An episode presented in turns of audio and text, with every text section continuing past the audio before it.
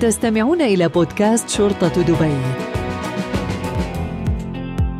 مرحبا بكم متابعينا في بودكاست شرطة دبي. في هذه الحلقة نحتفل بتخريج الدفعة الواحد وثلاثين من خريجي أكاديمية شرطة دبي وضيفنا مميز بكل ما تحمله الكلمة من معنى لأنه حاز على أربع شارات تميز. راح نتعرف على هذه الشارات وكيف وصل لهذا التميز خلال هذه الحلقة. والضابط مرشح حمد أحمد محمد المعيني. نرحب فيك في البرنامج ونهنيك أول شيء بهذا التخريج والإنجاز الكبير اللي حصلت عليه. شكرا أخوي محمد آه، على الجلسة الطيبة والاستضافة هذه. أتمنى أن تكون هذه الجلسة مثمرة وتكون مفيدة لنا والمستمعين كذلك. بداية تخبرنا بقصتك وقصة انضمامك لشرطة دبي وتعرفنا بنفسك أكثر وإنجازاتك. اولا بسم الله الرحمن الرحيم، اللهم اشرح لي صدري ويسر لي أمري واحلل عقدة من لساني يفقهوا قولي. أنا الطالب مرشح خريج من أكاديمية شرطة دبي حمد أحمد المعيني. أنا أفتخر كوني أنا خريج من هذه الأكاديمية العريقة اللي خرجت كوكبة كبيرة من الضباط، كوكبة متميزة من الضباط على مستوى الدولة. اما عن قصة انضمامي لأكاديمية شرطة دبي فإني أنا كأي متقدم لأكاديمية. شرطة دبي وكأي شيخ صراحة يشرفني الشيء هذا إني أنا أنضم إلى أكاديمية شرطة دبي كان يعني. الموضوع روتيني عادي أنت إيه نعم. قدمت إي دبي نعم بطريقة إيه نعم. عادية. إي نعم قبل الحلقة التقيت بالعقيد عبد الله محمد أمين مدير إدارة شؤون الطلبة المرشحين ويعني أثنى عليك وايد والقيادة العامة لشرطة دبي فخورة فيك جدا وهو بنفسه يعني فخور فيك كونك أول شخص حاز على أربع شارات. اولا الحمد لله هذا فضل من رب العالمين. هذا الإنجاز ما جاء ما جاء إلا من بعد توفيق من رب العالمين. نعم. ومن ثم آه، دعم آه، والديني لي في المرتبة الأولى. ومن ثم أشكر آه، القيادة العامه لشرطه دبي يترأسهم سيدي معالي الفريق القائد العام عبد الله خليفة المري وكذلك مدير أكاديمية شرطه دبي وإدارة شؤون الطلبة. يعني وفروا لنا كافة ال- السبل إن نحن ننجز. ونحن نتف- نتفوق. ونتميز في فترة تواجدنا في الأكاديمية. أما عن الشارات هي. اولا حصولي على المركز الثالث بالمجموع العام على الدفعة.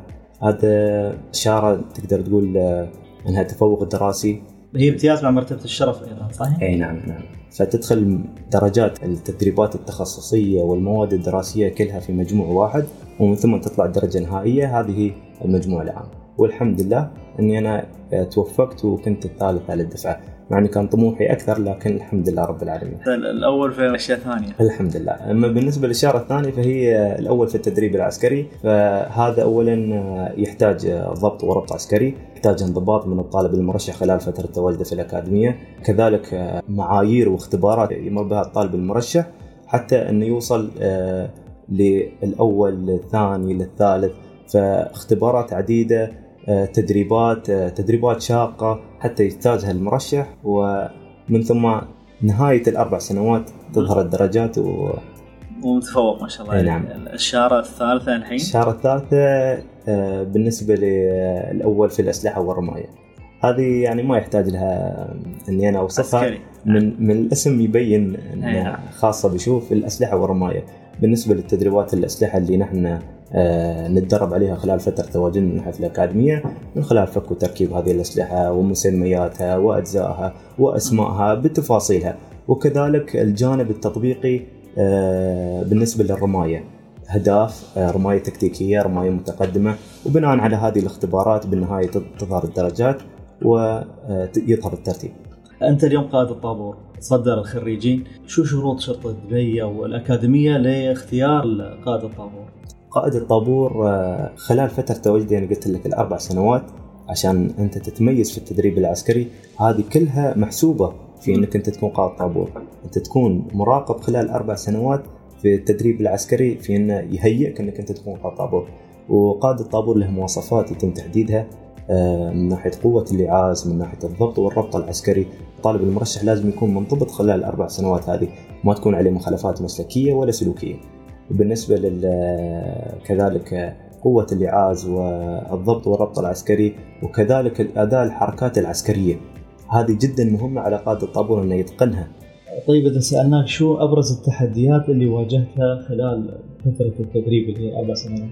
آه، ما أخفيك سرا آه، خلال تواجدنا في الأكاديمية آه، فترة فترة صعبة. ما راح أقول لك فترة راحة فترة فترة سهلة. فترة سهلة بعد الأربع سنوات. لكن لو تسال لو كنت سألتني السؤال هذا خلال تواجدي أنا في منتصف هذه الأربع سنوات راح أقول لك فترة شاقة، فترة متعبة، فترة مجهدة، لكن ال ال الجهد والتعب هذا هي اللي خلقت لنا ذكريات تنحفر في ذاكرتنا مدى الحياة، حتى لو أنت تسأل أي ضابط متخرج من هذه الأكاديمية ممكن نسى أغلب الأشياء السعيدة اللي مرت له، لكن الأشياء الصعبة هي اللي خلتها ذكريات حلوة له ولليوم هذا يذكرها، راح يذكر لك بتفاصيلها بعد. طيب نحن الحين نبغيك تشاركنا بعض الذكريات السعيدة اللي كانت معك في الأكاديمية. راح أخبرك مثل مثل الجزء اللي يجازون فيها الطلبه المرشحين بشكل جماعي. صح اي لا مجرد يعني اهمال من الطلبه أيوة. أو إلى آخره هذا شيء شيء وارد شيء وارد في العسكرية لكن لكن الجزء يروح على الجميع فهذه من اللحظات الصعبة اللي تمر على الطالب المرشح إنه يتدبل في وقت تعبه في وقت جهده في وقت إنه خلاص يبغى يريح يبي يرتاح ينزل له الدبل بسبب إهمال بعض الطلبة. فأنت تتدبل معاهم فأنت تتجازى معاهم. صح إنها كانت صعبة لكن حاليا راح أقول لك ذكريات حلوة. في صقل مهارات يعني لما تطيح تحت الضغط وهالأشياء أنت بتواجه المجتمع برا فهذا يكون أمر روتين يعني بالضبط, يعني. بالضبط. لكن تشاركنا بالخبرات والمهارات اللي تعلمتها خلال فترة التدريب في أكاديمية شرطة دبي. المهارات هذه أساسية إن الطالب المرشح يكتسبها. مجرد دخوله للأكاديمية ويبدأ فترة تدريبه راح يكتسبها. شيء طبيعي من فترة دخوله ال 45 يوم فترة التأسيس راح ينتقل من الحياة المدنية للحياة العسكرية، والحياة العسكرية فرق كبير عن الحياة المدنية، فيها انضباط، فيها ضبط، في إنك أنت تراقب سلوكياتك، في إن تنصرف لك مسؤوليات ومهام أنت لازم إنك أنت تراعي هذا الشيء، كذلك انتظامك بالوقت واحترامك للوقت، هذا شيء أساسي عند كل عسكري.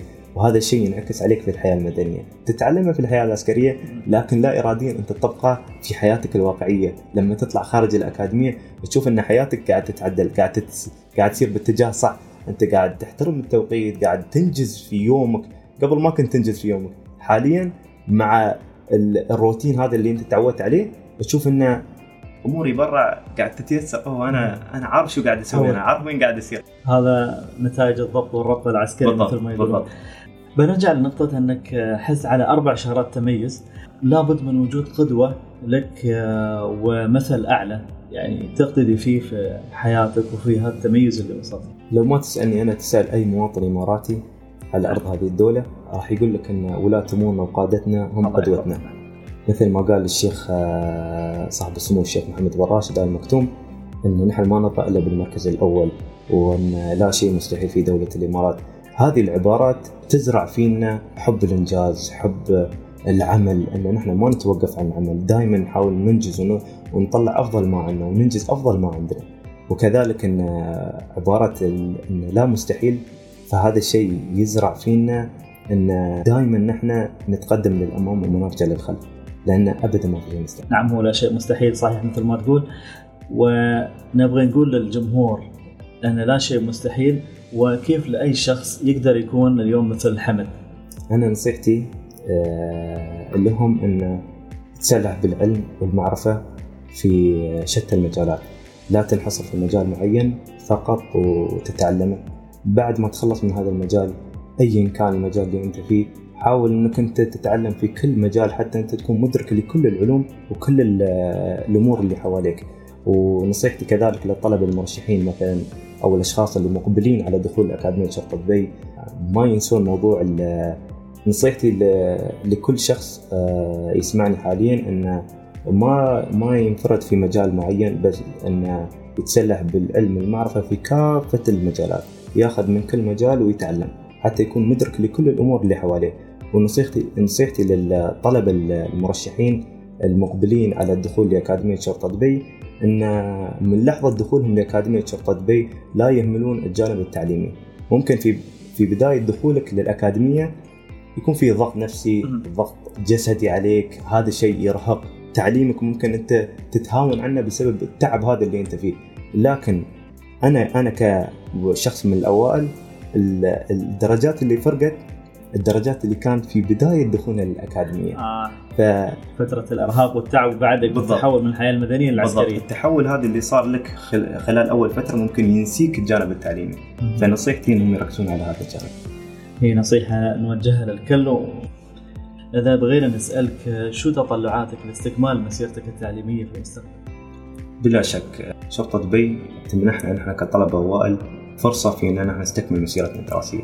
آه، ولا شك أنا ما راح أتوقف عند النقطة هذه بدرجة البكالوريوس. حاب إني أنا أستكمل درجة الماجستير والفترة القادمة في مجالات تخدم المؤسسة هذه اللي أنا فيها وتخدم بالنهاية دولتي بشكل عام. في بعض المجالات آه، جدا واسعه حاليا بعض الجرائم والأمور المستحدثة علينا في مجتمعنا. فنحن نحاول إن نحن نتصدى هذه ونكون سباقين ونحن نسبق نسبق المجرم قبل لا يفكر في أي جريمة. تفكيرك شرطي جدا ما شاء الله عليك نتمنى نشوفك دائما في أعلى المراتب وأعلى المناصب ويعني دائما في ساحات الشرف والتكريم.